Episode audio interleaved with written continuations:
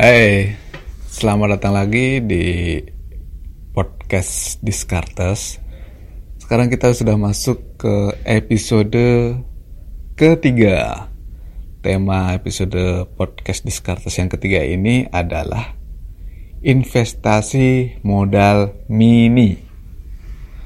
Jadi, ketika kita ngomongin investasi, tidak harus bermodal besar Itulah kenapa tema kali ini kita ngomongin yang kecil-kecil saja. Memangnya berapa sih modal yang dibutuhin untuk bikin atau untuk mendaftar atau untuk beli produk investasi? Di zaman yang sekarang ini bahkan banyak perusahaan sekuritas yang mempersilahkan anak-anak mahasiswa untuk beli produk investasi dengan harga atau modal 100 ribu rupiah.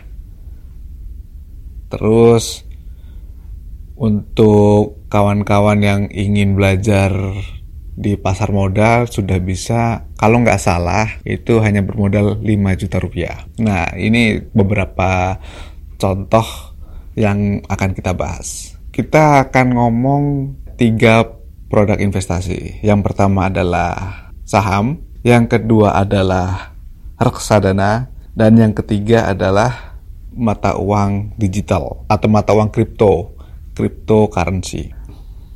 Topik pertama, saham. Berapa modal yang dibutuhkan untuk bisa beli saham? Nah, kita mesti tahu dulu nih, beli saham itu tidak bisa langsung ke perusahaannya Contohnya, ada perusahaan Astra, contoh ya, perusahaan Astra. Kemudian kalian mau beli sahamnya. Kalian nggak bisa datang langsung ke Astra, terus bilang, Pak, Bu, saya mau beli sahamnya. Itu nggak bisa. Nah, makanya harus ada perantara atau perusahaan sekuritasnya. Pialang, banyak orang bilang broker. Sama. Anda juga harus tahu, jual beli saham, penjualan atau pembelian saham, itu minimalnya adalah satu lot. Satu lot sama dengan 100 lembar. Jadi misalnya harga saham Astra tadi per lembarnya 10.000, maka satu lot 10.000 dikali 100 atau 1 juta. Nah, itu dasar dasar untuk beli saham. Kemudian gimana cara kita daftar ke perusahaan sekuritasnya? Jadi kalau sekarang sudah gampang. Kamu tinggal cari googling perusahaan-perusahaan sekuritas yang terdaftar. Banyak banget, banyak banget. Telepon saja salah satunya. Telepon salah satunya bilang kalau kamu pingin buka akun untuk trading saham. Kemudian biasanya mereka akan datang nih, mereka datang, kemudian mengambil persyaratan-persyaratan yang sebelumnya sudah disampaikan ke kamu lewat telepon. Misalnya fotokopi KTP, fotokopi buku rekening dan macam-macam lainnya. Saya sendiri sudah sudah lebih dari hmm, sekitar 8-7 tahun nggak ganti perusahaan sekuritas. Lupa saya. Tapi gampang kok. Jadi kalian tinggal telepon saja ke mereka, nanti mereka akan kasih tahu persyaratannya, kemudian mereka akan datang ngambil persyaratan-persyaratan yang diperlukan. Jangan lupa teman-teman nanti baca ya, baca apa saja yang tertulis di keterangan ya. Nanti ada form keterangan, nanti teman-teman baca di situ.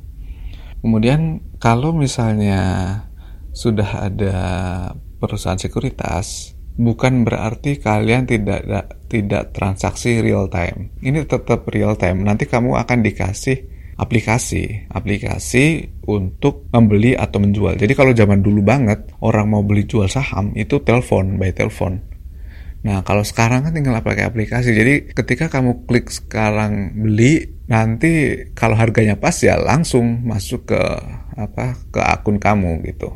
Beli saham Astra satu lot ternyata harganya cocok, nanti langsung masuk. Itu saham. Saham berarti pembagian kepemilikan. Jadi meski kamu punya cuman punya satu lot, ya tetap aja kamu sebagai salah satu pemegang saham, salah satu pemilik. Ya, tapi dibandingkan dengan yang berjuta-juta lot, jangan disamakan. Nggak mungkin kamu punya satu lot terus kamu bisa merasa bahwa semua mobil atau kendaraan yang ada di jalanan itu milik kamu ya nggak gitu juga gitu kan. Ada porsi-porsi tertentunya. Kemudian top yang kedua adalah reksadana. Reksadana ini gabungan. Jadi gabungan-gabungan berbagai instrumen yang ada. Ada di dalamnya ada saham, ada obligasi, ada deposito, macam-macam. Makanya reksadana ini juga terbagi menjadi beberapa. Ada reksadana pasar uang yang isinya deposito, kemudian reksadana saham yang sebagian besar isinya ada di instrumen saham.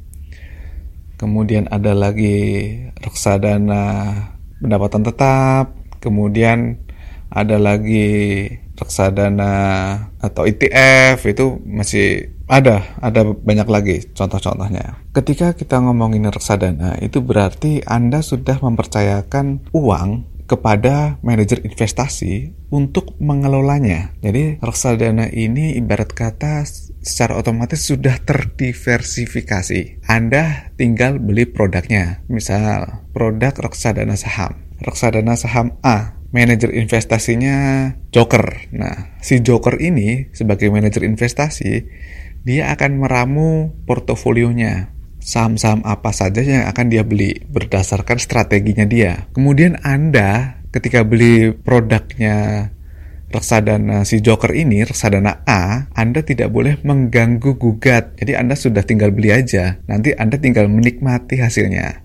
Kalau untung, kalau rugi, ya Anda yang menanggung risikonya. Makanya kalau ngomongin reksadana, saya selalu berpendapat bahwa yang paling utama adalah siapa sih yang ngelola duitnya, perusahaan apa, bagaimana bisnis mereka, produk mereka selama beberapa tahun terakhir. Apakah memang bagus atau malah jauh di bawah indeks? Paling gampang sebenarnya memang membandingkan dengan indeks. Jadi ada benchmarknya, indeksnya indeks saham atau indeks reksadana saham. Apakah dibandingkan dengan produk-produk lain, reksadana si Joker ini memang bagus atau tidak perform? Nah ini penting karena ketika kita beli reksadana berarti kita beli kemampuan si Joker. Itu itu yang utama buat saya. Dan teman-teman juga harus paham bahwa ketika membeli reksadana, Anda secara tidak langsung sudah mempercaya penuh kepada si manajer investasi. Kemudian reksadana ini juga ada reksadana syariah dan reksadana umum.